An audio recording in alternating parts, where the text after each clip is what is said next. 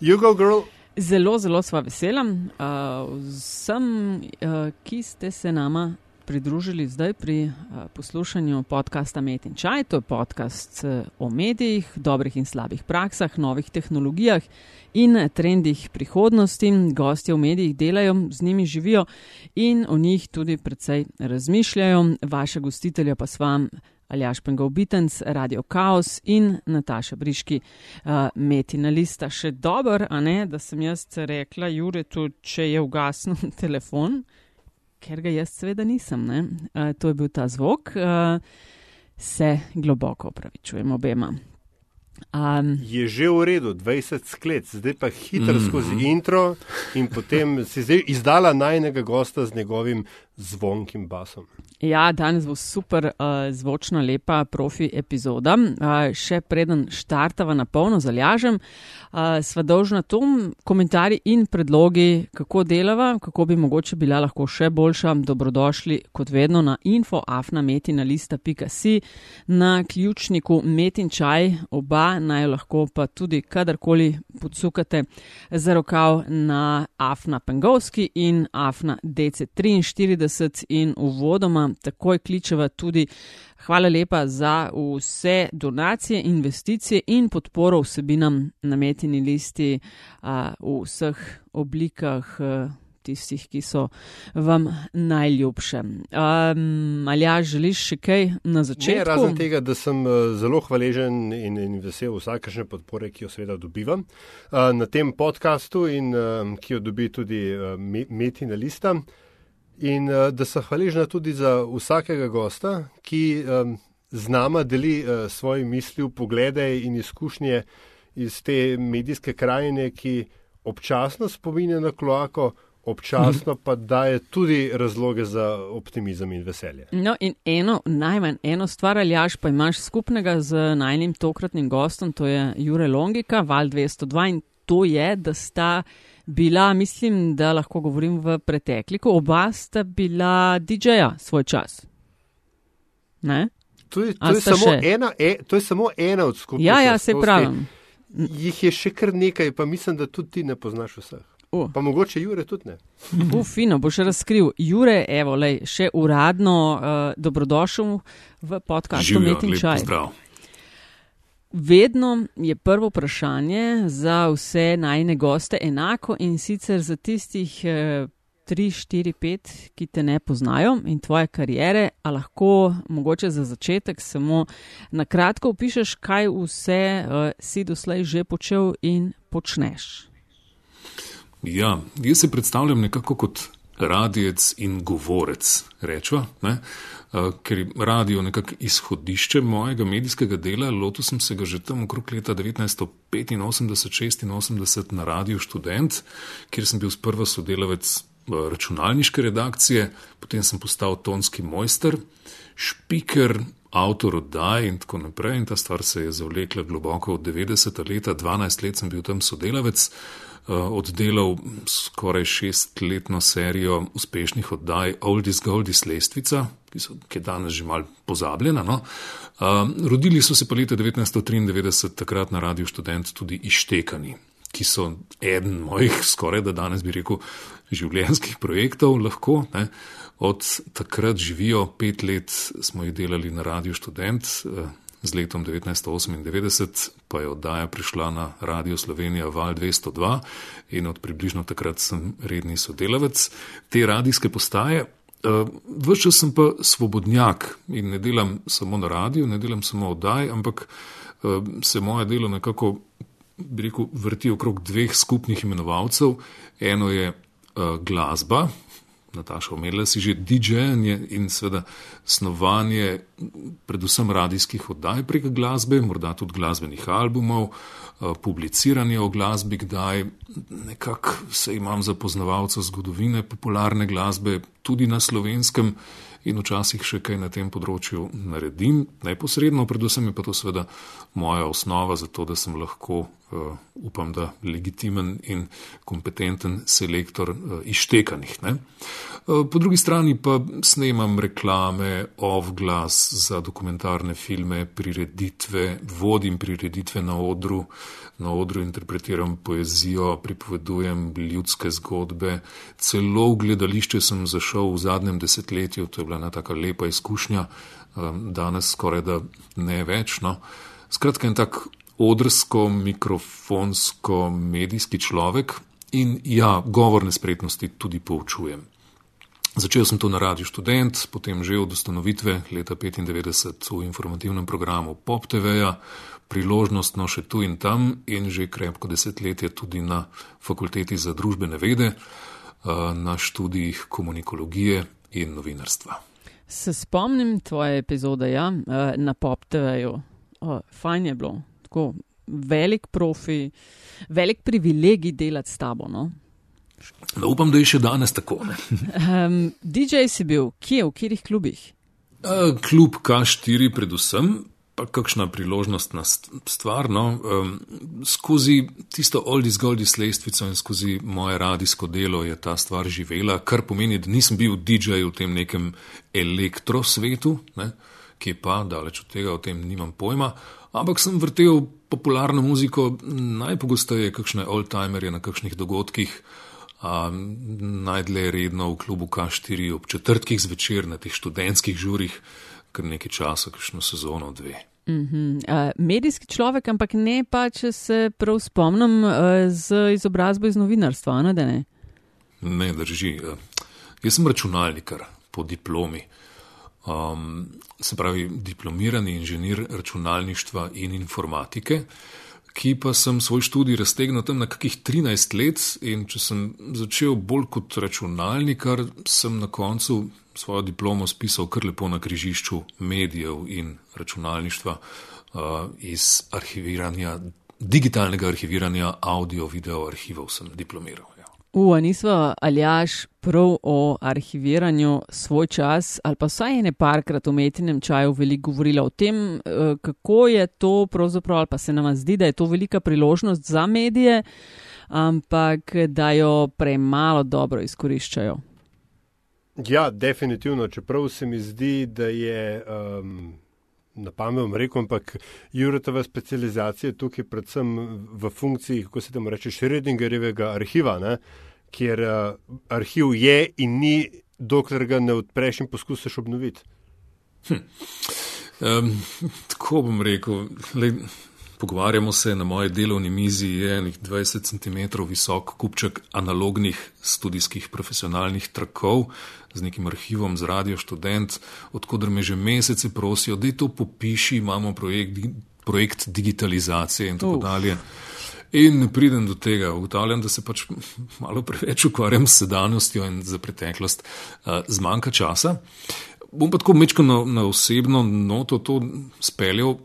Jaz bi lahko bil arhivar, mislim, po duši totalno, prav prah bi se lahko na meni nabiral in bi totalno užival, ali pa mogoče v nekem drugem življenju računovodja, v tretjem hišnik. Uh, samo po drugi strani pa vse to delo, ki ga delam, pa tako uživo, adrenalinsko, ki je treba improvizirati, biti odziven in tako dalje, pa neke vrste pravzaprav proti utež terapija tisti moji arhivskosti, pedantskosti, urejenosti kontroli, to, to vse fajn, ampak če tega preveč pa. Čakaj, hišnik, A, sem tole ali jaš, hišnik, ta se mi zdi blag. Kar vpraš, kar vpraš, jaz vem, zakaj. To sem umest navrgel zato, ker, a veš zakaj? A si eden tistih, ki gre na hišne svete tako redno?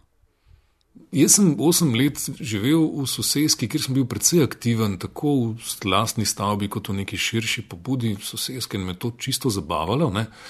Potem sem se pa tam odselil in vse spustil iz rok, mogoče malce neodgovorno celo. Ne. Zdaj sem vesel, da se mi s tem ni treba ukvarjati. No. Ja, a veš, da še vedno ne vem, če je bila tista streha obnovljena ali ne. ne? Jaz mislim, da strehe po celi sosedski že nekako so v redu, ne? Eh, fasade pa najbrž ja, še fasade, nikjer ja. ne. Ja. No, in, in zdaj seveda veš, to je, še, to je druga stvar, ki jo imamo skupno. Ne? Ja, sosede so bila. Tisti ja. sosedski, ja. no, ampak nekaj, nekaj drugega sem hotel vprašati. Um, ko si govoril o uživo ne, in um, adrenalini in tako dalje, uh, Preden se je začela moja epizoda na eh, Radio Chaos, sem eno sezono, kot se temu reče, odšljakal v neki manjši tiskovni agenciji, kjer je bil tvoj Telstar, takrat ponedeljkova popodanska, v bistvu cel popodanski set, ne, na valu 202, reden spremljevalec uh, mojega tapkanja po tipkovnici tam, uh, tudi marsikdaj me je rešil mentalno, ampak. Um, Čeprav se je vsakič zdelo, da jih tako le namečeš iz glave in tako dalje, se mi zdiš vendarle, da si človek, ki si, da rečemo, improvizacijo pripravi, ne? oziroma da je za improvizacijo za mikrofonom dolga, dolga seansa priprav, nabiranje mm. podatkov, vaje in tako. Absolutno. Torej, jaz sem prepričan in to lahko zagovarjam naslednje pol ure, da lahko dobro improviziraš, samo če si dobro pripravljen. Ne? Um, tako da vedno za te stvari zadaj so ure in ure in dnevi in dnevi priprav, potem se pa vržem v vodo in, in plavam. In sem seveda upam, da kolikor toliko sposoben tudi prvotni koncept zavreč, pa v živo skreirati nekega, nekega novega. Ne. Nekako še nisem okostenel, da bi, da bi prenehal to in mislim, da danes so pač ištekani ta praksa. Takrat je bil pa Telstar, ja, me veseli, da je bil spremljevalec tudi tvoj. Spomnim se pa viš v tej luči enega tazga trenutka v Logarski dolini je bilo. Tam sem bil s familijo, s sinom, neki konji, tam smo gledali gor dol, pridem v del, pa pravi, pa tebe poznam, veš, te poslušam v ponedeljkih, Telstar, ampak včasih bi se pa lahko mal boljš pripravil. oh. In sem ga razumel, ne, ker seveda bi lahko vse. Ne. Eh, deluje tudi druga resnica in to je dober špiker, je velik blefer. Ljudje so o tej oddaji občudujoče govorili, ne. ampak jaz sem se pač te stvari naučil, naredil in potem so šle iz glave. jaz 99 odstotkov teh stvari danes ne vem. Govor, poučevanje ali pa kakovost uh, govorjene besede je nekaj, čemu uh, tako profesionalno posvečaš kar nekaj časa. Že v vodoma sva omenila, ne, da si med drugim tudi, bom rekla, to neko prvo generacijo na Pop TV poučeval. Uh, kakšno se ti zdi kot uh, strokovnjak, profi v teh vodah, kakovost uh, javne govorjene besede pri nas? Um kar dobra. Torej, jaz lahko rečem, da nisem eden tistih, oziroma nočem biti eden tistih, ki bo bentil. Ne? Tudi nasplošno v življenju se držim tega načela. Če vidim papirček na tleh, ne, ne grem mimo in se zgražam, koliko je folk grozen, ki papir meče na tla, ampak se sklonim, pa ga poberem, pa ga vržem v koš in je svet lepši. Ne. Tudi kar se tiče kakovosti javne besede, je pravzaprav nekaj podobnega. Skušam tu kaj narediti. Ne. In uh, upam, da tudi meni to uspe.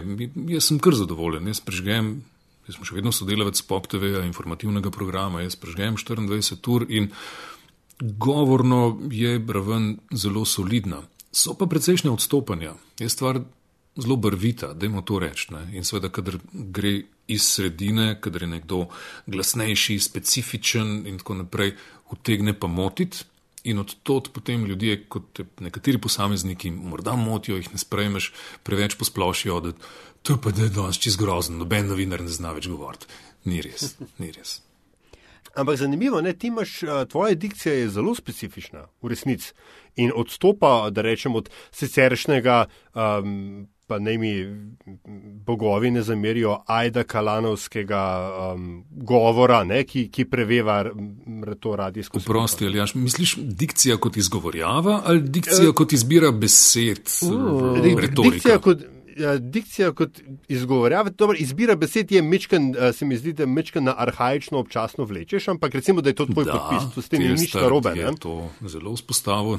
Tako, Lahko povem, rahlo ozadje v zvezi s tem. Ja, ko, ko, sem, ko sem šel z radio študent na, na Radio Slovenija Sem imel mečkano tudi notranje, rahle kulturne boje. Ne? Radio študenti trdna, trdnjava alternative, aktivizma, ne? drugačnosti, definira se skozi negacijo in podobno. Ne?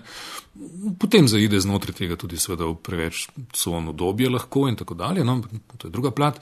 In ko sem šel na nacionalni radio, ki je bil na nek način pravzaprav edina pot v resnici, ne, sem se ukvarjal s tem, kako bom jaz ostal mečkano drugačen, kako se ne bom utopil v tej množici in arhaizmi so bili rešitev. Mm, no, ampak uh, mislim predvsem na, na, na izgovorjavo, ne, na, na barvo glasu, tonaliteto, če hočeš, uh, in pač način govora, ki je. Vem, jaz si ga vedno predstavljam, e, mogoče bomo zdaj končno videli, um, spektrografski, spe, spektrografski zapis tvojega govora.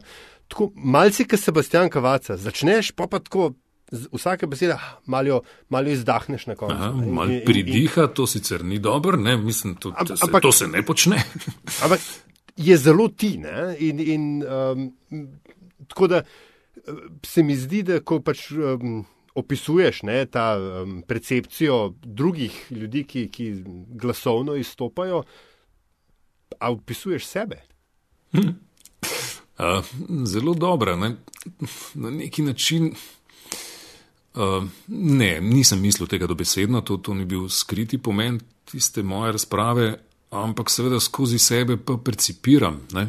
Torej, jaz slišim in kadar tudi z ljudmi na seansah delovnih, ko komentiram njihov govor, jih vnaprej opozorim, poglej, jaz imam en par ušes, med njimi ene možgane, to, kar bom zdaj povedal, je lahko zelo subjektivno, ampak je najbolje, kar ti lahko dam jaz tako doživim tvoj govor in recimo, da sem mal strokovno tudi podkovan in poklican za to, da ti to povem.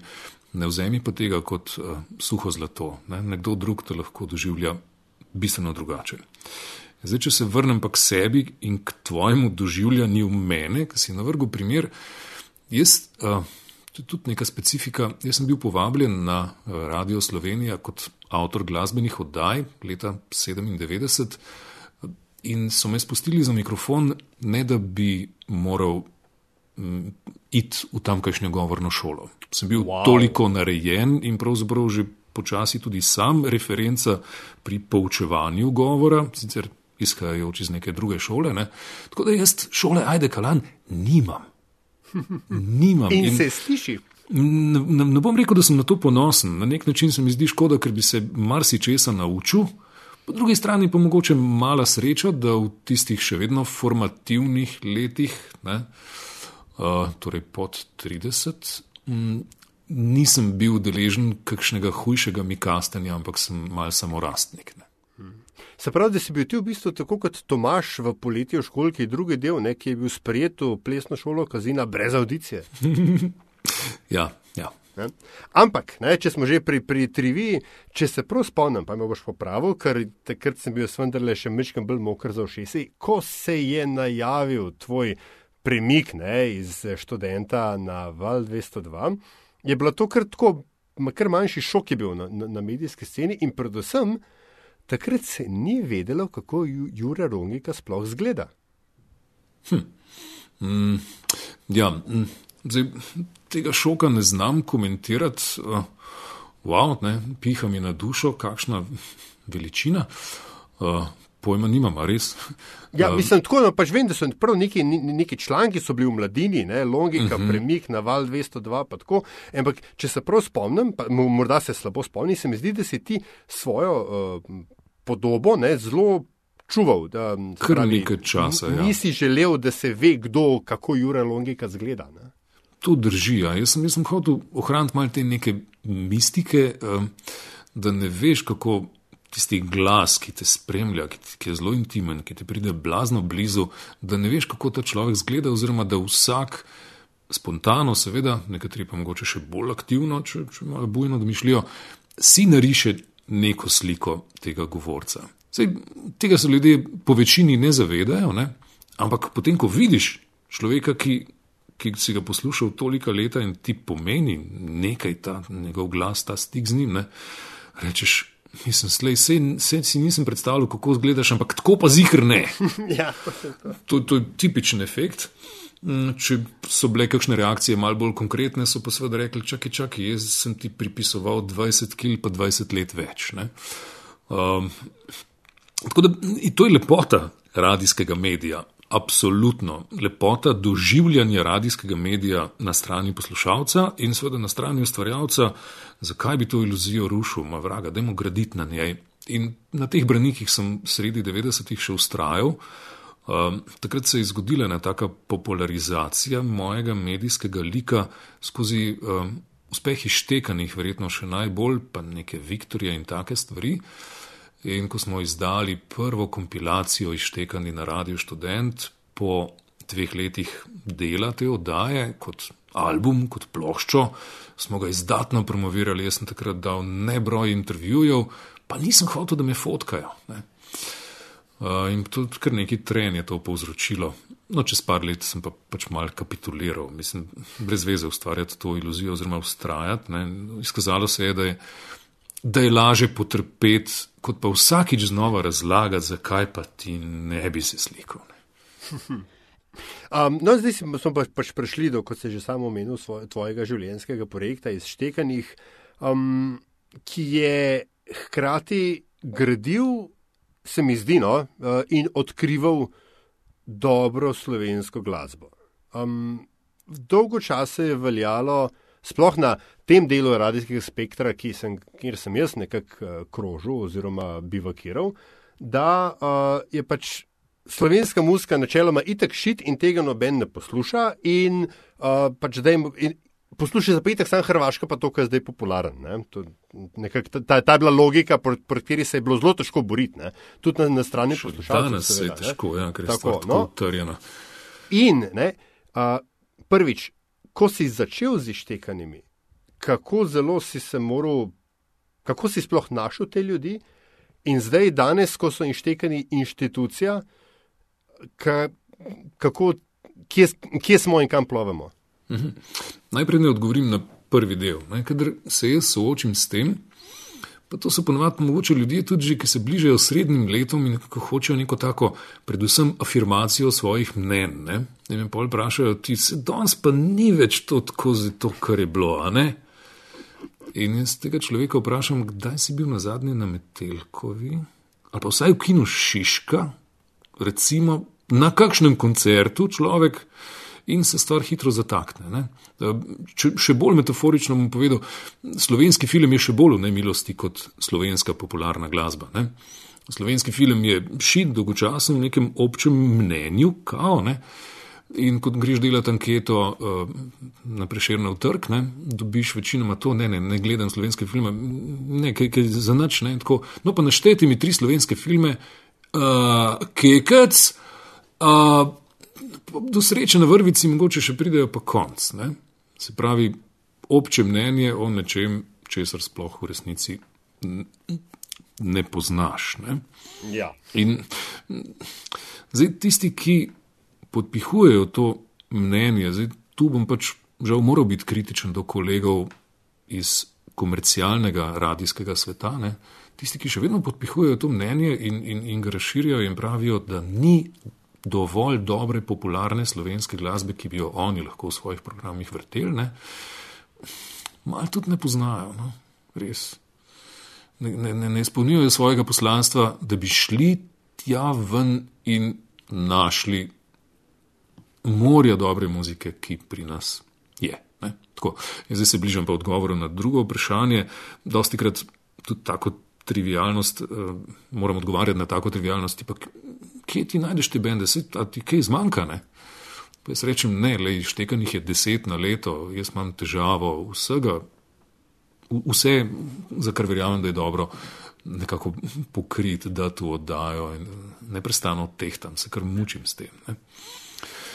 Um, da sem vsaj posredno no, ja, ja, ne, odgovoril. Uh, mogoče sem še to. No, Ištekane jaz pojmujem kot sopotnika, zdaj že kar skoraj 30 let eh, popularne glasbe in roka na slovenskem, ne? oziroma kot neko platformo, lepše rečeno, podlago za to, da se na njej nekaj zgodi, ne? kot, kot neko okolje, nek katalizator, kamor nekaj daš in ven pride nekaj drugega.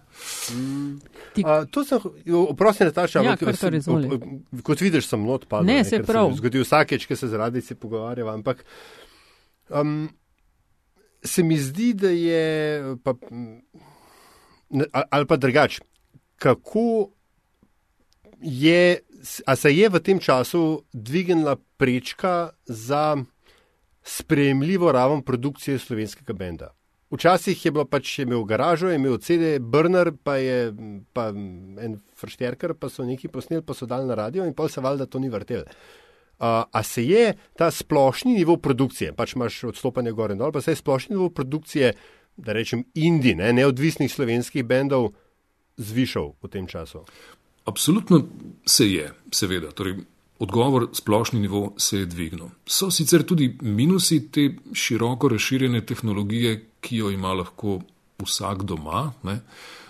Predvsem pred leti, ko se je, zdaj bo že tega tudi 20 letja, ko se je digitalna snemalna tehnologija uvajala širše na Radio Slovenija tudi in tako naprej. Se spomnim stare kategorije tonskih mojstrov, ki so bentil čez te nove, ki so sam računalnikari, pa kar vse dober. Ne?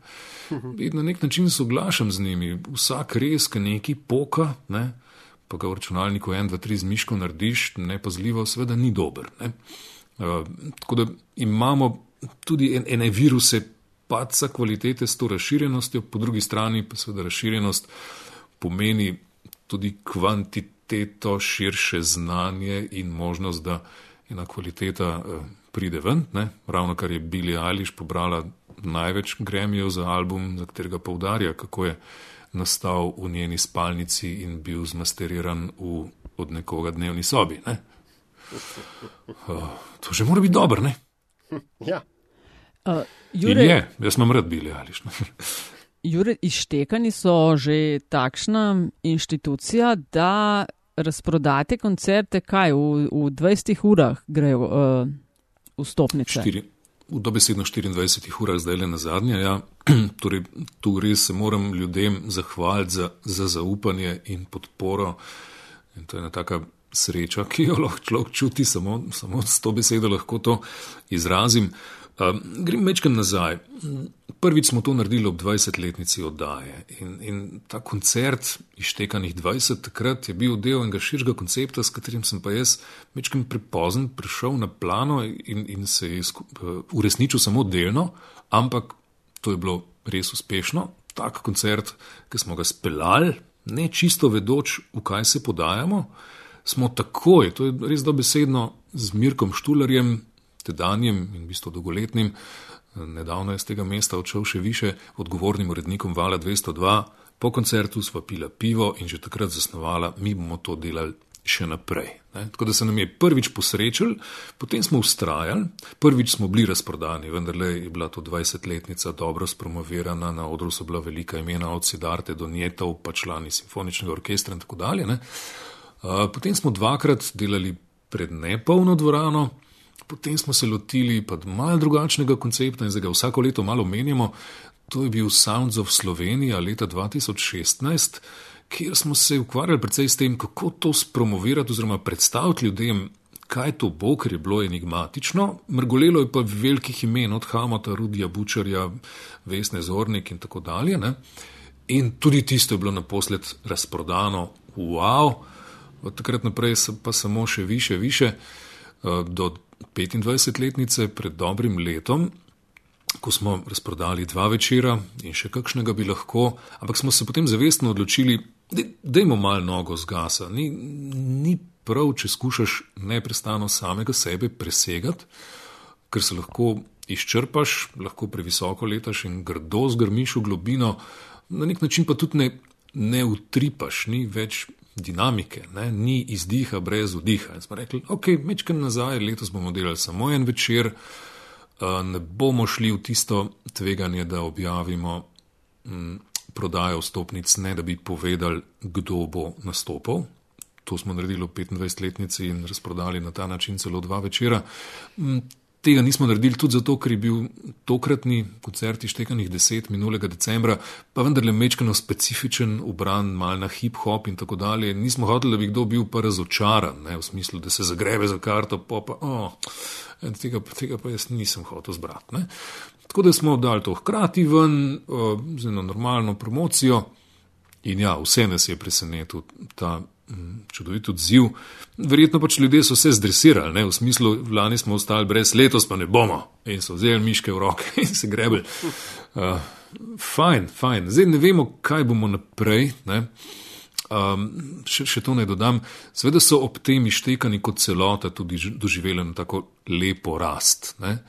Um, ta oddaja je živa že skoraj 30 let in skozi zgodovino lahko rečem, da da so bila nihanja v interesu, da je bila kakšna sezona, ko smo imeli skoraj v vsaki oddaji neko televizijsko ekipo, ki je prišla poročati, tako neko zanimanje, in kakšno sezono, ko sem jaz gledal, da to še sploh koga zanima. Ne? Ampak ustrajnost se je, se je splačala in s temi koncerti konec leta v Kino Šiška je to res neka nova raven. Uh, tako odziva poslušalcev, kot oddaje v celoti, kot bi rekel, zahtevnosti, te prečke, ki si jo zadajo vsakokratni gostje. Ne, in, in stvar je res čudovita. Pa še to naj poudarim, ne, tudi ištekani se s tem, ko gredo konc leta v kino Šiška, v bistvu ištekajo. Ne. Treba je poudariti, da so ištekani v osnovi studijska intimna oddaja, ki jo delamo brez občinstva. Zase, da se imamo mi tam fajn in skušamo ustvariti en, en, en kontekst, da se dobra muzika rodi, pa to poslati v eter, zadnje čase, seveda tudi v obliki video prenosa, kar zadeve že mečkam predrugači. Ko pa gremo pred tisoč ljudi v kino Šiška, pa je tam mogoče 25 članov orkestra in tako dalje, pa to ni več intima, so pa izštekani, ki grejo iz svoje kože, iz, con, iz svoje cone obdobja in sami naredijo tisto, kar od vsakokratnih gostov zahtevajo. A, a vidiš, Nataša, spet smo pred tem. Eh pri tej lekciji, ne, ki jo je že ohoho, leta nazaj nam dal uh, Nikolaj Sokulovič, ni dosti, da enkrat narediš ful dobro in se potem celo kariero s tem hvališ. Ne, ampak da vsakič znova narediš dovolj dobro, da, da zadovoljiš lastne kriterije in kriterije svojih poslušalcev. Mm -hmm, a veš, da ni. Nikolo, uh, sem prav tudi jaz imela zdaj v mislih in sicer bi me zanimalo, Jure, tvoj komentar, govorila sta z Aljažem mal o slovenski glasbi, pa o tem, kako je ni oziroma zares je veliko dobro slovenske glasbe. Takrat eh, sva z Nikolo klepetala med drugim tudi o sporočilnosti o besedilih slovenske glasbe. On je ugotavljal, da je včasih bilo predvsej bolj drzno vse skupaj in da so dan danes besedila na nek način mlačna. A se tebi tudi zdi tako, da včasih je bila glasba tista, ki je bila vem, na čelu revolucije in tako dalje, da je danes manj tega? Mm, Pridno odgovorim, ne samo za hec, repliciram, ali jaš si nekako. Uh zmešal o, dvoje v tisto repliko o Nikoli. Ja, vreden si toliko, kot je, oziroma dober si toliko, kot je dober tvoj zadnji izdelek. Ne? Po drugi strani pa tudi ta maksima dovolj dobro. Eh, za perfekcioniste ni napačna. Ne, ne, seveda, ampak poanta poant tukaj je bila v tem, veš, da je v eh, slovenski mentaliteti eh, večinoma se zatečemo v tem, da enemu velikemu dosežku naše kariere in potem spimo ali vlečemo neko slavo iz tega naslova, ampak da resnični geni, ne, resnična slava prihaja pa od tega, da se, se ni nujno, da je vsakič za pet. Ne? Ampak da za dobro štiri pa mora biti vedno znova, če si hočeš reči, da si profesionalc in dober v tem, kar počneš. Ne? Drži. To je sklej, klej, da tam. Okay, ja, hvala. Ja, ja. Vse skupaj je pa tek na dolge proge.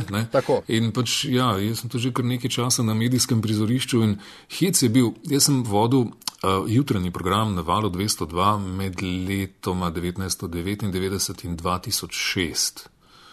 Jaz sem vsaj še enkrat toliko časa od ljudi poslušal, ti pa zjutraj se poslušam, veš, to je tako ful dobr. Ne? Že leta tega nisem počel. Tako da, ko se ena stvar usidra, pa vendarle je trdoživa. Hvala Bogu, da lahko človek gradi kariero, če ostane kvaliteten, če so te dobre štirke eh, konstanta. Eh, zdaj pa k besedilom, ja, Nataša. Ja, kako drzni, politično korektni smo po tvojem mnenju, ali pa so glasbeniki in glasbenice v primerjavi s kakšnim desetletjem ali več prej. Jaz ne delim tega Nikolovega mnenja oziroma Nikolovega občutka. Namenom sem uporabil dve besedi, ker moje mnenje zdaj bo dejansko bolj na občutenju situacije temeljilo. Ne. Lahko povem zase, da sem morda bolj zahteven do besedil kot nekdaj, tudi ko sem selektor za ištekane. Torej, samo obrtno, solidno sestavljena, sklepana besedila me absolutno ne zadovoljijo. Mene mora stvar nagovoriti, torej, kaj mi ti sporočaš, do tega sem zelo zoprn. Ampak, če ob enem še vedno delam ištekane in trdim, da je ogromno dobre muzike, potem kljub tej zahtevnosti dobim tisto, kar, kar zahtevam. Ne? Uh, in ne, ne, ne vem, ne morem reči, da je slabš, kot je bilo. Čas je drugačen. Uh, vsakič pač popularna glasba reflektira svet, v katerem nastaja, ne? in, in to se zelo, zelo dobro pozna. Tista ta najmočnejša ga pa tudi mal spreminja ne? skozi to refleksijo, pa skozi neke emocije, ki jih v ljudeh zbudi, skozi nek aktivizem, skozi neko motivacijo in bla bla bla. In tukaj recimo ne, lahko pokomentiram zadnjih dobrih deset let te neke krize ki se je v popularni glasbi odražala. Prav spomnim se, um, ker nekaj let sem bil eden od selektorjev kompilacije Imamo dobro glasbo, te kompilacije Vala 202, kjer smo spodbujali, da te prijaviti skladbe in smo vsako leto dobili nekaj 250 komadov, ki smo jih morali preposlušati in iz njih 10 do 15 skrbno izbrati. Ne. In tam smo potem lahko videli gibanja, ne, kako je bilo nekaj časa aktualno kritiziranje, koliko je vse bed, ampak lej. Mi že deset let vemo, da smo precej ubuli in da ta naš družbeni red ni vzdržen, in tako naprej. Uh, hočemo več. In, in se pravi, da meni danes nekdo, nek umetnik, ki mi pripoveduje, koliko je vse za nič, ne pove nič novega, nič, nič ne da. Ne? In se je potem trend tudi obrnil, in, in, in, in se zgodbe grejo včasih malo implodirajo, grejo malo bolj na osebno raven, človek išče smisel nekje v neki intimi, lahko, preden se spet poda v širše družbeno okolje, ga nagovori ali pa ga hoče spremeniti, bla, bla, bla, da ne bom zdaj preveč začel nakladati. Tako da ta gibanja se poznajo mm, mm, in kot rečeno, danes od dobre muzike, ki mi da sporočilo, ki se me dotakne, ki me brcne v rit, ne pričakujem samo kritiziranja daleč od tega. Mm, tudi neke revolucionarnosti, ne bolj bolj eno vizijo. No? Ok, smo malo buli, ampak kaj bomo zdaj naredili? To, to recimo me, skušam, mislim, me motivira, to skušam iskati. Ne? Zdaj pa, ima umetnost to moč? Jaz seveda verjamem, da ima, ne? ampak kje so pa družbene spremembe, katerim stremimo in bi si jih tako želeli in se lahko strinjamo zdaj le in smo gostilniški filozofi, da bi bile potrebne. Ups, Sorry, da ne zaidem predaleč.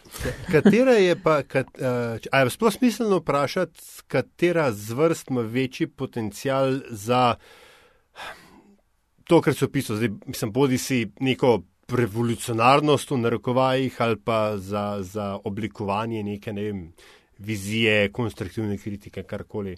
Včasih je veljalo, da, pač, da, je, je rok revolucionarna glasba, to že dolgo ni več, ne, ali pa iz, izkluzivno samo rok. Ali pa punk, družbeno zaveden. No, ne? ne, je tako, ja. ja tega je koliko že. 35, 45, ja, 40, ja, ne, nekaj, nekaj, v redu, ja, v redu, hvala. Ja. Ja. No, ampak, skrati, a, a, a je danes kakšna zvrst, ki stopa v tem pogledu? Uh, ne, ne morem reči. Uh, vsa, vsa glasba z besedilom lahko prenese to sporočilo. Ne? Mogoče, če bi me kakšnih deset let nazaj vprašal, bi rekel absolutno hip-hop, ki, ki je tudi na slovenskem zdaj le praznoval četrt stoletja s prvencem ali ena, ne, uh, je, je bil kakšno desetletje nazaj. Tako, Naredil je ta crossover, nagovoril je široko množico ljudi, nastavlja kar nekaj reperjev, ki so, ki so liki, ki jih danes vsi poznamo, ki smo jih prisluhnili in so bili absolutno kakovostni. Uh, danes, tih, s tem sem se mečkano ukvarjal tudi, tudi lani, ne, ko smo izštekanih deset, ubrali tudi na hip-hop. Je pa mladih reperjev, ki bi nagovorili zelo široko javnost, v bistvu precej, precej malo. Tako, kje je nov zlatko, je benti se, jaz sprašujem. Ok, tu sta nipke in čale sale, ampak priznam, da to mene ne zadovolji čist. Ne rekel, da je, da je slabo, ampak uh, presežka ne najdem. Mm, ok, toliko o repu. Mm, kaj vem, no. Mm. Ni, ni, manjka, manjka, manjka nek ta žnusokva, ne, ki, bi, ki bi bil z, pač, lepo slovensko besedo prebojen. Ne. Ampak tega že dolgo ni, tega sej, že, sej, sej, že to, ja. desetletja ja. ni, ne, ko se je pojavil punk, wow, ne, pa recimo, da znotraj čisto rokovskega zvoka je skoraj da zadnji svež, nov trend bil morda granč v 90-ih. Pa še tukaj imamo uno, najbolj razopite granžere, ki to sploh niso, to so nirvana, ki je v bistvu bolj to pankrski zvok kot kaj drugega. Um, potem je pa to, bi rekel, uh, sekvenčno, torej prečno menjavanje trendov v popularni glasbi se, se pomalem nehalo, ne? v smislu, da bi prišel nov trend, ki pomete z ostalimi, sta starimi in vsi poslušajo samo mm. novo glasbo in potem se izmenjajo generacije in tako dalje. To je desetletja veljalo v popularni glasbi, tam od 90-ih let naprej pa ne, žanri živijo usporedno uh, in, in ni več revolucije ne, znotraj popularne muzike. In zaradi tega potem tudi ne more biti nekega trenda, ki bi rekel, da je revolucionaren in novo sporočilen. Kaj pa je bila zadnja, mislim, to, to je zdaj tako klasično intervjujsko vprašanje, kaj, ampak zadnja prebojna plata eh, v slovenski glasbi, ki je zaznamovala začetek nečesa novega? Maglej, bom posredno odgovoril, takoj ko sem utihnil, malo prej, preden si ja. zastavil to novo vprašanje, sem se ugriznil v jezik, a kaj pa tole tale trep danes, pa ta sprega tega rep, trep, pa tja do turbo folka, ne? Kar se dogaja, uh, to je trend, ki, ki, ki mu jaz posvečam veliko pozornosti, tako intimno se z njim ukvarjam, ker je močno znamenje, znamenje časa. Ne? Tako da bi, bi imenoval ta trend kot nekaj, kar, kar preseneča. Zdaj, že starega prca, ko sem jaz uh, mal pojasnil, kaj je to trepjene.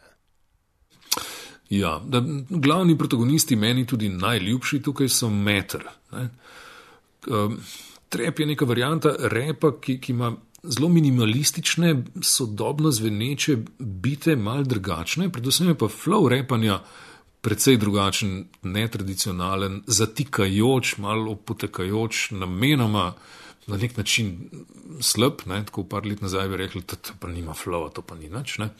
Danes je pa to. Uveljavljal kot, kot zelo samostojen žanr. Uh, besedilno se pa dogajajo zelo zanimive stvari. Ko gledaš trebe besedila, so, so napisane v jeziku, ki je, ki je novum, ne, ki je tukaj. Uh, Marsikaj od tistega je totalen šodr, je totalen treš, ampak poanta ti drže, treperske je ravno v tem, da je super. Bolj je treš, bolj je neulovljivo, bolj je slaba fora, boljš fora je. To, tako, in to deluje. Jaz kar strmim, včasih, ker skušam biti morda kritičen. Ne?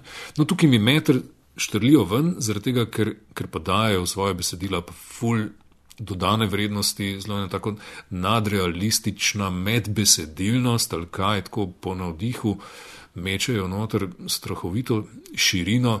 Oni res niso še zdaleč samo uličari, ampak so zelo izobraženi fanti in tudi pesniška zbirka Meter se tako lahko postavi v nadaljevanje slovenske zgodovinske avantgarde. To čisto resno rečem. Srečko, ko so vel v ne, svojem času, skoraj sto let nazaj in danes Meter, tle so hude navezave. Mm. A sem zadovoljivo odgovoril? Ja, ja, ja ne, gled, čisto sem zdaj sem, ka, eh, ja. nove stvari izvedel. Ne, tukaj tukaj se, se pa meša vse skupaj to en tak silovit hedonizem, ki je Kajla, ki je sredinc. Ne? Tako, to sem že, že poudarjal. Ne? Neka mladež danes, za katero že leta rečemo, pa zakaj se ne upre? Mislim, poanta mladeži, študentarije, ne vem koga je, da gre na barikade, da nas sune v rit, ne? da nas uh, z naših stolčkov brcne, ne? da, da je revolucionarna, ne vem kaj, in jamramo že leta do desetletja, kako sedanja mladina se načne upira. Lej, ta mladina okrog teh novih kultur, treperskih in tako naprej, urbanih, se upira na ta način, da se ne upira, da jih čist boli za naša pričakovanja o uporu. Oni se zatekajo v en tak zelo poseben hedonizem, skoraj da včasih mal nihilističen, ne, uh, ki, ki, ki je zelo znamenje časa. No, Tega Sliš ni v nič zadeti. Ja, tako mal, skoraj fantazijeklovsko, potem, kar opisuješ. Ne. ja. ja. Okay, ampak recimo, dekadentno, no? Ja, ampak, ja, da, me, ne, da mene ne bo ja. odnesel preveč. Ja. Jure, kako dobra fora, ki si ravno to besedo mal prej omenil, se ti zdi pa uvedba, mislim, da v tem je mogoče tudi fajn še kakšno besedo reči, ko govorimo o slovenski glasbi in sicer uvedba kvot slovenske glasbe. To je ob sami uvedbi sprožilo kar nekaj vroče krvi. Eh, zdaj, z neki distance, zdaj lahko na, na to mal pogledamo, dobro, slabo, za, proti. Eh, mnenja so se kresale, kako ti gledaš na celo zadevo. Torej, gled, zelo na kratko rečeno, lahko pa elaboriram malo bolj. Ne? Uh, vsak trg, če greš še za tako tržno zadevo v resnici, ne, potrebuje regulacijo, sicer gre v franže.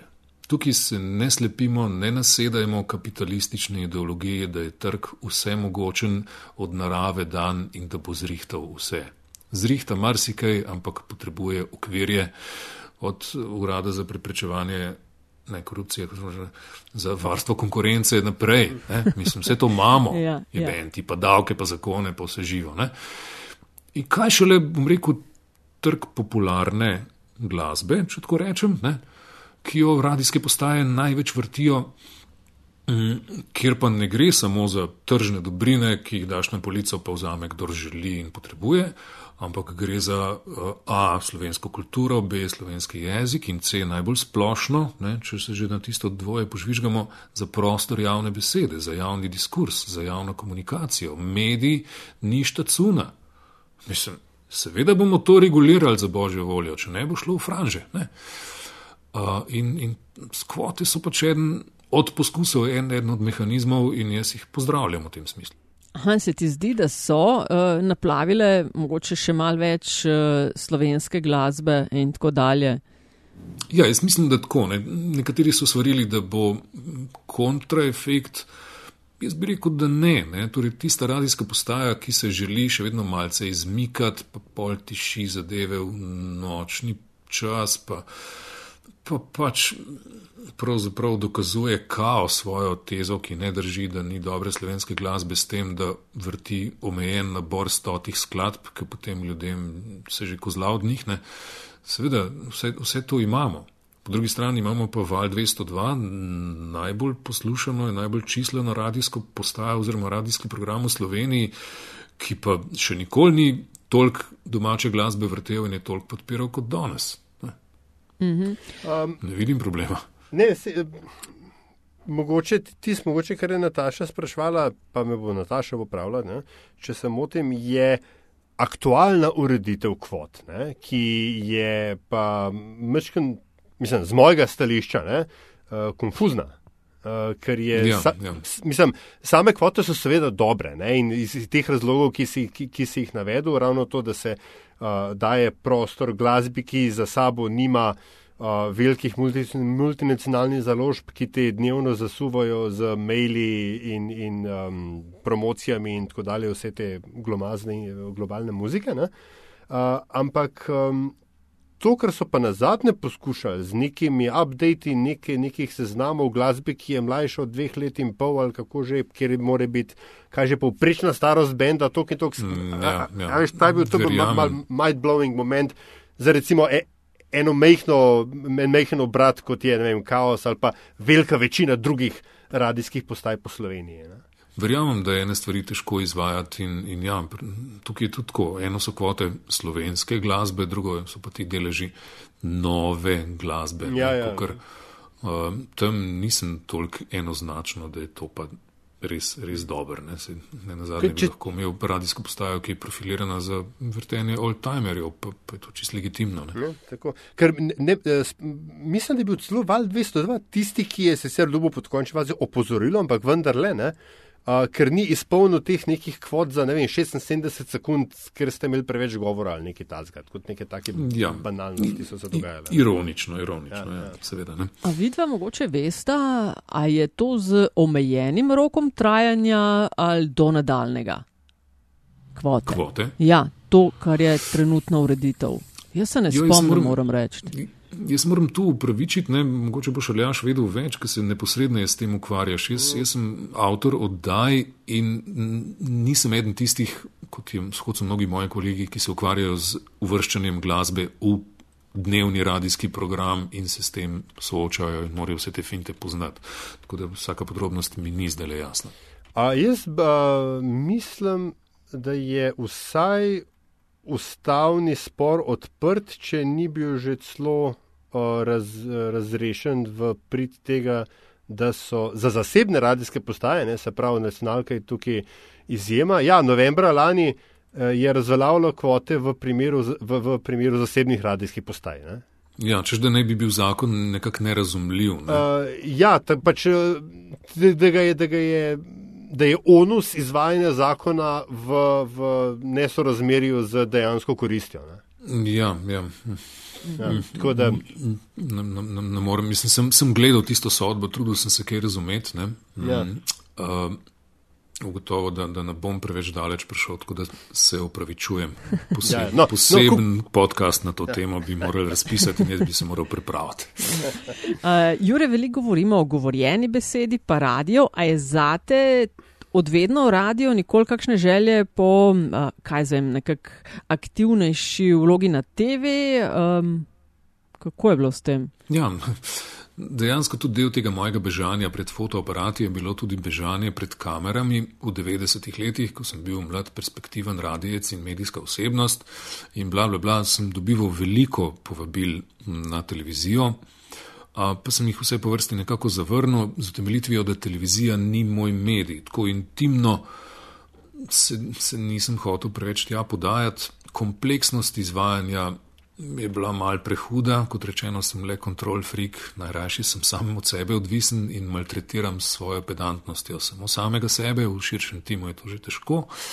Pa ta, ta lepota radijskega medija mi, mi ustreza. To je zdaj mogoče malo romantizacija, mogoče malo takrat nisem bil pripravljen, sem se bal, kaj vem, ampak nastavil sem špuro in decet. Pa so pa počasno nehali me vabiti na televizijo. Ne? Eh, Pred, eh, preden smo začeli tale pogovor, sem eh, prebirala eh, študijo Reutersovega inštituta za študije žurnalizma. Izdali so neke vrste novo napoved za to, kaj čaka medije, novinarstvo in te tehnološke platforme v letošnjem letu. No in eden od poudarkov je bil, da se obeta novo in še eno dobro leto za podcastanje. Zdaj ti svojega podcasta nimaš, ne? Mm, Še. Ne. A razmišljaš kaj Ja, o tem? uh, hm. Mah, glej, hm. mm, priznam, da ne. Evo, nisem, nisem o tem razmišljal, čeprav sem recimo o tem razmišljal pred leti, ko sem nabavljal razno razno opremo, snemalnik, ta kabel, ta mini projektni studio doma, da bom jaz to vse lahko, ne? če se pojavi možnost, to je bilo tako nujno vlaganje v infrastrukturo, ampak podcastanje se, se ni prijelo. Jaz nekako nastopam seveda tudi na, na trgu medijskih storitev, ki jih ponujam ne, in je predvsej popraševanja po mojem delu, tako da ne verjamem, da bi imel čas. Ne. Sploh ne razmišljam o tem. Um, lahko pa odgovorim, da seveda posredno pač vsaki ištekani imajo neko življenje po in tam skušam to vrstne stvari udejanjati, torej vse oddaje so dostopne na spletu v celoti, dolge so zajetne, tako ištekani so podcast, ki je dolg 100 minut, ni veliko takih, ki si drznejo to vse zarolati v celoti, ne. potem izdajamo pospešeno digitalne albume s, z izvlečkom samo glasbe, dodatno obdelanim in tako naprej, da ištekani res zasijajo. Ne. Uh, po drugi strani pa na YouTube dajemo posamezne komade, vse bolj pospešeno. No? Skratka, tem, tem trendom skušam, skušam slediti, da bi ustvarjal nek nov podcast z novo vsebino, pa nisem še pomislil. Mogoče, mogoče kdaj v prihodnje.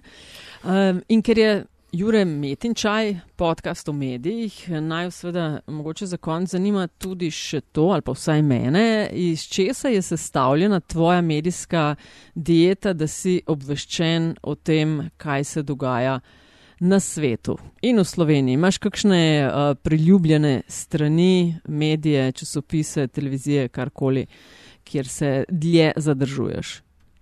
Ko si začela s svojo najavo, Nataša, ne, si omenila, da je ta podcast tisti, ki gosti ljudi, ki živijo z mediji. Takrat se mi je prižgalo, da jaz skušam v sodobnem medijskem zve, svetu, torej z mediji, predvsem preživeti. Ne. Ker je tega toliko in, in je toliko razpršeno in toliko v bistvu danes mediji hočejo mene za razliko od stanja pred let, ko sem jaz hotel medije, ne, da je to boj za preživetje, skoraj da tak intimni obstanek za neko osebno integriteto. Torej, včasih smo bili iskalci, ne, včasih si še strcajten, ko zdaj v roke pa prelisto je še kaj zanimivega za prebrati. Spomnim se svoje mame, ki je rekla, da ki je živela na vasi, zgodaj se je naučila brati, ona je vse prebrala, kar je bilo pisane besede okrog nje v hiši, recepte, vse, vse, vse. Ne? Neverjetno. Um, in in tudi, tudi jaz se tega spomnim, ne?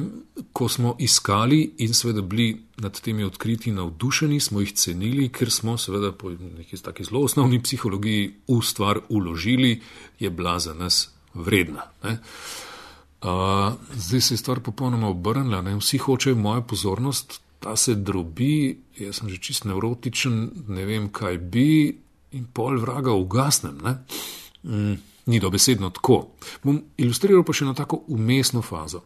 Prej sem povedal, da sem delal jutranji program na radiju med letoma 1999 in 2006. To je en tak programski pas in nagovarjanje tako široke množice ljudi, da moraš biti na tekočem. Da je pomembno, danes se to dogaja in kaj bo jutri Jure narodu rekel, tudi o tem, kar se danes dogaja. Zato sem takrat pospešeno gledal informativne oddaje na televiziji, bral časopise in tako dalje, in ugotovil, da smo tega mečken bolan. Uh, da imam preveč, kot jaz temu rečem, informacijskega fast fooda, kot da bi preveč jedel v McDonald'su in da to ni preveč dobro za me. Potem sem se mečkam z vodstvom Vala 202 v enih detajlih razšel in nehal delati ta programski pas ne? in si oddahnil. Nehal sem gledati televizijo, nehal sem brati sajtenge, začel sem hoditi v gledališče in brati knjige. Ja.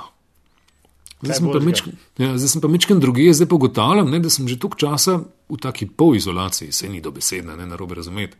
Se vem, da je Billy Eilish Grammy dobila to, na tako čem sem. Um, ampak ugotavljam, ne, da seveda pa pridem kdaj v kakšno milije, kakšno situacijo, ko pa se izkaže, da mal ne vem in da bi pa tole skor moral vedeti. In pol se rečem, Jure, poskrbi za svojo razgledanost, nekaj nared. Kaj se zdaj da narediti. Moja dieta, je, ja. Ja, moja dieta je pač radio to odnegdaj. In zdaj to, tako, včasih sem zelo preklapljal med drugim programom Valom 202 in radijem študent. Danes je radio študent že zelo mal, zelo sem vzljubil prvi program Radio Slovenija, v zadnjih letih se je glasbeno zelo spremenil, razširil, čudovitje, tako da šaltam med prvim in drugim pa študentom. In zjutraj med prvim in drugim šaltam na pol ure, zato da ulovim novice. Torej, radijske novice, tistih par minut na nacionalnem radiju, so še vedno moj glavni vir uh, informacij. Potem so te obširnejše radijske oddaje, pride 19. večerna, a bom pržgal televizijo ali radio. Veliko krat ostanem na radiju. Če že prežgem televizijo, pač bi rekel iz profesionalne dožnosti, gledam 24 ur na pop TV, ker s temi ljudmi se potem srečujem, svetujem na področju govornega nastopanja. Ne? Tako da v bistvu dnevnik na nacionalki gledam bolj malo. Iz tega razloga, ne da mi ne bi bil všeč, nasprotno. Uh, potem se pa že počasi neha. Časopis, če ga kupim, mislim, sem časopis, je bilo obdobje, ko sem imel naročen dnevni časopis, ampak toliko sem jih deviških vrgel stran, tako nisem se jih dotaknil, da sem nehal, pa sem prešal to na soboto, pa tudi potem je za tega vraga zmanjkalo časa. Uh, tako da je edini tednik, na katerega sem naročen, je mladina. Um, kaj še? Ja, pa Twitter sem si naredil par let nazaj, da bom vsaj tako le mal online neki neki od teh novih medijev in družabnih omrežij dobil ampak tudi tam so spontani filtri tako močno vklopljeni, da jaz vsega tega, kar sledim, makje niti prvi. A ti je kaj žal, da si na Twitterju? Zakaj? ne, ne, ne, mislim. Inside joke, ampak. Se, veš, mi zdi, da imamo na splošno kot družba en tak pasivno-agresiven odnos do družbenih mrež. Pač, uh, smo tam, ampak jih ne maramo, ampak brez njih ne moremo več. Ne? Ja, nisem na Facebooku. Ja, ne? Bil je nek zelo kratek čas daleč nazaj, ko ta stvar še sploh ni bila tako zelo razširjena, vse iz nekih čisto posebnih razlogov odklopil in nobenega posebnega kreda iz tega ne, ne kujem, ne? ampak enostavno do zdaj še ni bilo potrebe, odlično živim brez tega. Bomo videli, koliko časa še, če, če imamo čas lahko. Sam, sam malo ilustriram.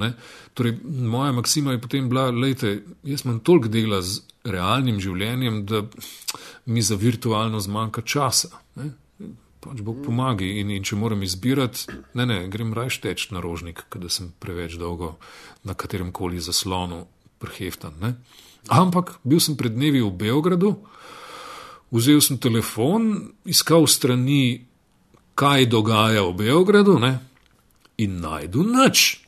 Seveda mi ni bilo jasno, oziroma sem gotovo, da se je vse preselilo na Facebook, kjer pa mene ni in tam sem bil v petek zvečer in soboto zvečer, hotel sem iti v live na koncerte, vedel sem, da je zihr kaj zanimivega.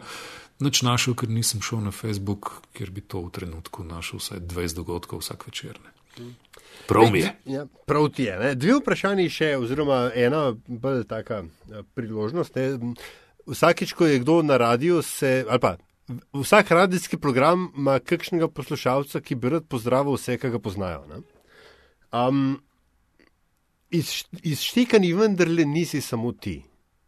In to je zdaj tvoja priložnost, da pozdraviš vse, ki ti pomagajo pri um, produkciji epizod iz štekanih. Wow. Hvala za to istočnico, res. Ne, ker, uh, tako se vrtijo izštekani govori, izštekanih, jaz to poosebljam, jaz sem selektor, jaz sem tisti, ki zastavljam svojo besedo za to, ampak ne. Tako, danes jaz lahko rečem, da sem služabnik te oddaje, te platforme, te, te, te, te znamke, tega okolja, kjer se čudovite muzike dogajajo.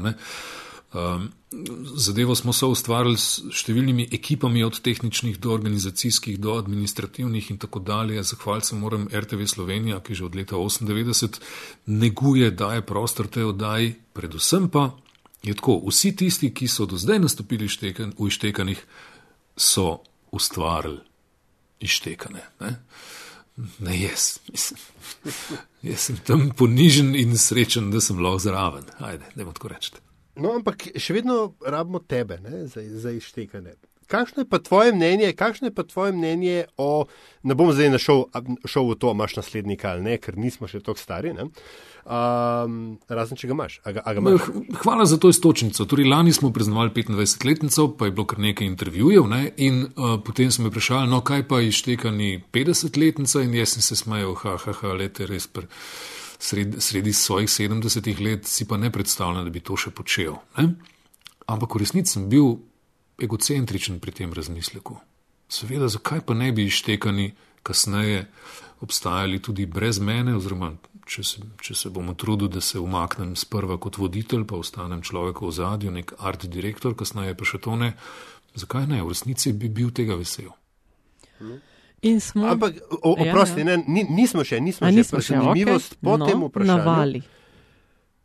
Gospod Longika, špiker, moderator, kakšen je vaš odnos do, umetno, um, do umetne inteligence oziroma uh, umetno sintetiziranega govora kot mm. nadomestila ali pa pomočnika um, nekih radijskih vsebin? Wow, zelo dobro vprašanje. Odgovoril bom posredno. Eh, že ko sem delal diplomo, je bila moja želja, delati na področju sinteze ali pa razpoznavanja govora. Pa sem gotovo, da je stvar seveda preveč kompleksna in da za eno diplomsko nalogo bi se lotil ene drobtinice znotraj tega, ki bi bila manj zanimiva. Potem so me pa lani poklicali iz uh, enega od laboratorijev na fakulteti za računalništvo in informatiko v Ljubljani, nekdani kolegi, in sem mečkam pridružen član enega tima, ki tudi razvija razpoznavo in sintezo govora. Pred kratkim je bil objavljen obsežen razpis z uh, tega področja in si prizadevamo sredstva dobiti. Tako da sem, sem zraven in tu se porajajo nenavadne dileme. Ne? Um, Jaz sem že posnel, oziroma dal na voljo iz svojega arhiva neko testno množico, ta sintetizator govora se je že nečesa naučil, rezultati so zanimivi, v nekem smislu tudi presenetljivi. Ukvarjam se pa s tem, ali sem jaz pripravljen svoj glas, svoj prepoznaven glas posoditi takemu sintetizatorju, odgovora še nimam. Ne? Seveda, drugi del odgovora bo pričakovan, ne stroj v tem smislu ne bo, ne bo nikoli nadomestil uh, humanega govorca. Nekako ni šans, tako kot se recimo to ni zgodilo v glasbi. Ne? Govor lahko primerjamo z igranjem na violino, da nimo, ker je inštrument, ki je blazno širok, neverjetne zvoke lahko izvabiš iz njega in to prihaja iz, iz, iz telesa prek tvojega giba. In, in vsak, vsak violinist je človeški, je drugačen.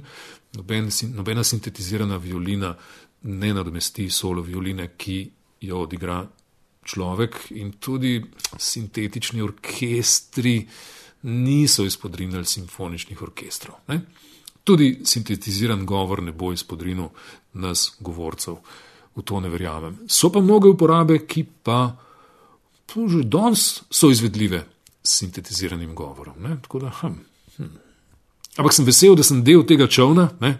da, da, da pravzaprav mogoče pa bo obstajal sintetizator govora z mojim glasom, ko mi je že umrl. Tudi ne? to bi me veselil. Vidiš, evo. In smo, a, gremo na zanimivost. Prosim, lepo. Um, Jure, čist vsak met in čaj zalažen končava tako, da gostu oziroma gosti zastaviva vprašanje in sicer da z nama deli kakšno zgodbo, zanimivost, anegdoto, podatek, priporočilo, pa vsem po tvoji izbiri, skratka nekaj, za kar ocenjuješ, da mogoče veliko ljudi ne ve, pa da bi bilo fino vedeti ali pa da bi jih znalo zanimati. In evo, uh, zdaj je ta trenutek. okay. uh, ja. Zdaj si me zalotila in se moram vama ter poslušalcem podcasta upravičiti. Ja, napovedala si to vprašanje, Ampak jaz malo nisem imel časa se na njen pripraviti in v bistvu zdaj tako nimam odgovora. Ampak se bom izvlekel. Vse okay. sem menda dober špiker. Ne? Vsak ja. pravi špiker boš odbelefiral. Tako je. Ne? In zdaj prva asociacija, ki mi je prišla na pamet, je jesenkova pot tlele po rožniku za Tivolijem in tako dalje. Ne vem, če poznate to. Glejte malo znake. Odpravite se recimo za Halo Tivoli mal gor, malo hosto, in prej sled boste prišli do neke poti, ki ni zelo s peskom posuta, včasih tudi nekaj blatna, široka, manj kot dva metra, peš pot, absolutno, ki se ji reče Jesenkova pot in gre po teh globelih rožnika in potem tudi šišenskega hriba. To je tako čudovit sprehod, še najboljš polet, ki je vroče in ti se lahko kar sred ljubljane v gozdu počutiš, tako malo se zgubiš. In jaz sem to pred mnogimi leti uh, prvič doživel, od takrat naprej rad zaidem na njo, no. tudi laufam, kdaj po njej. Koliko je dolga ta pot? Pojmani. Za kakšno uro? Ne, pet km. Ne, ne, ja, ja, za, Tako, za počasen sprehod je, ja, ja. je, je kakšna ura, ja, seveda. Ne. Pretečeš jo pa v kakšne pol ure. Ja. Mm.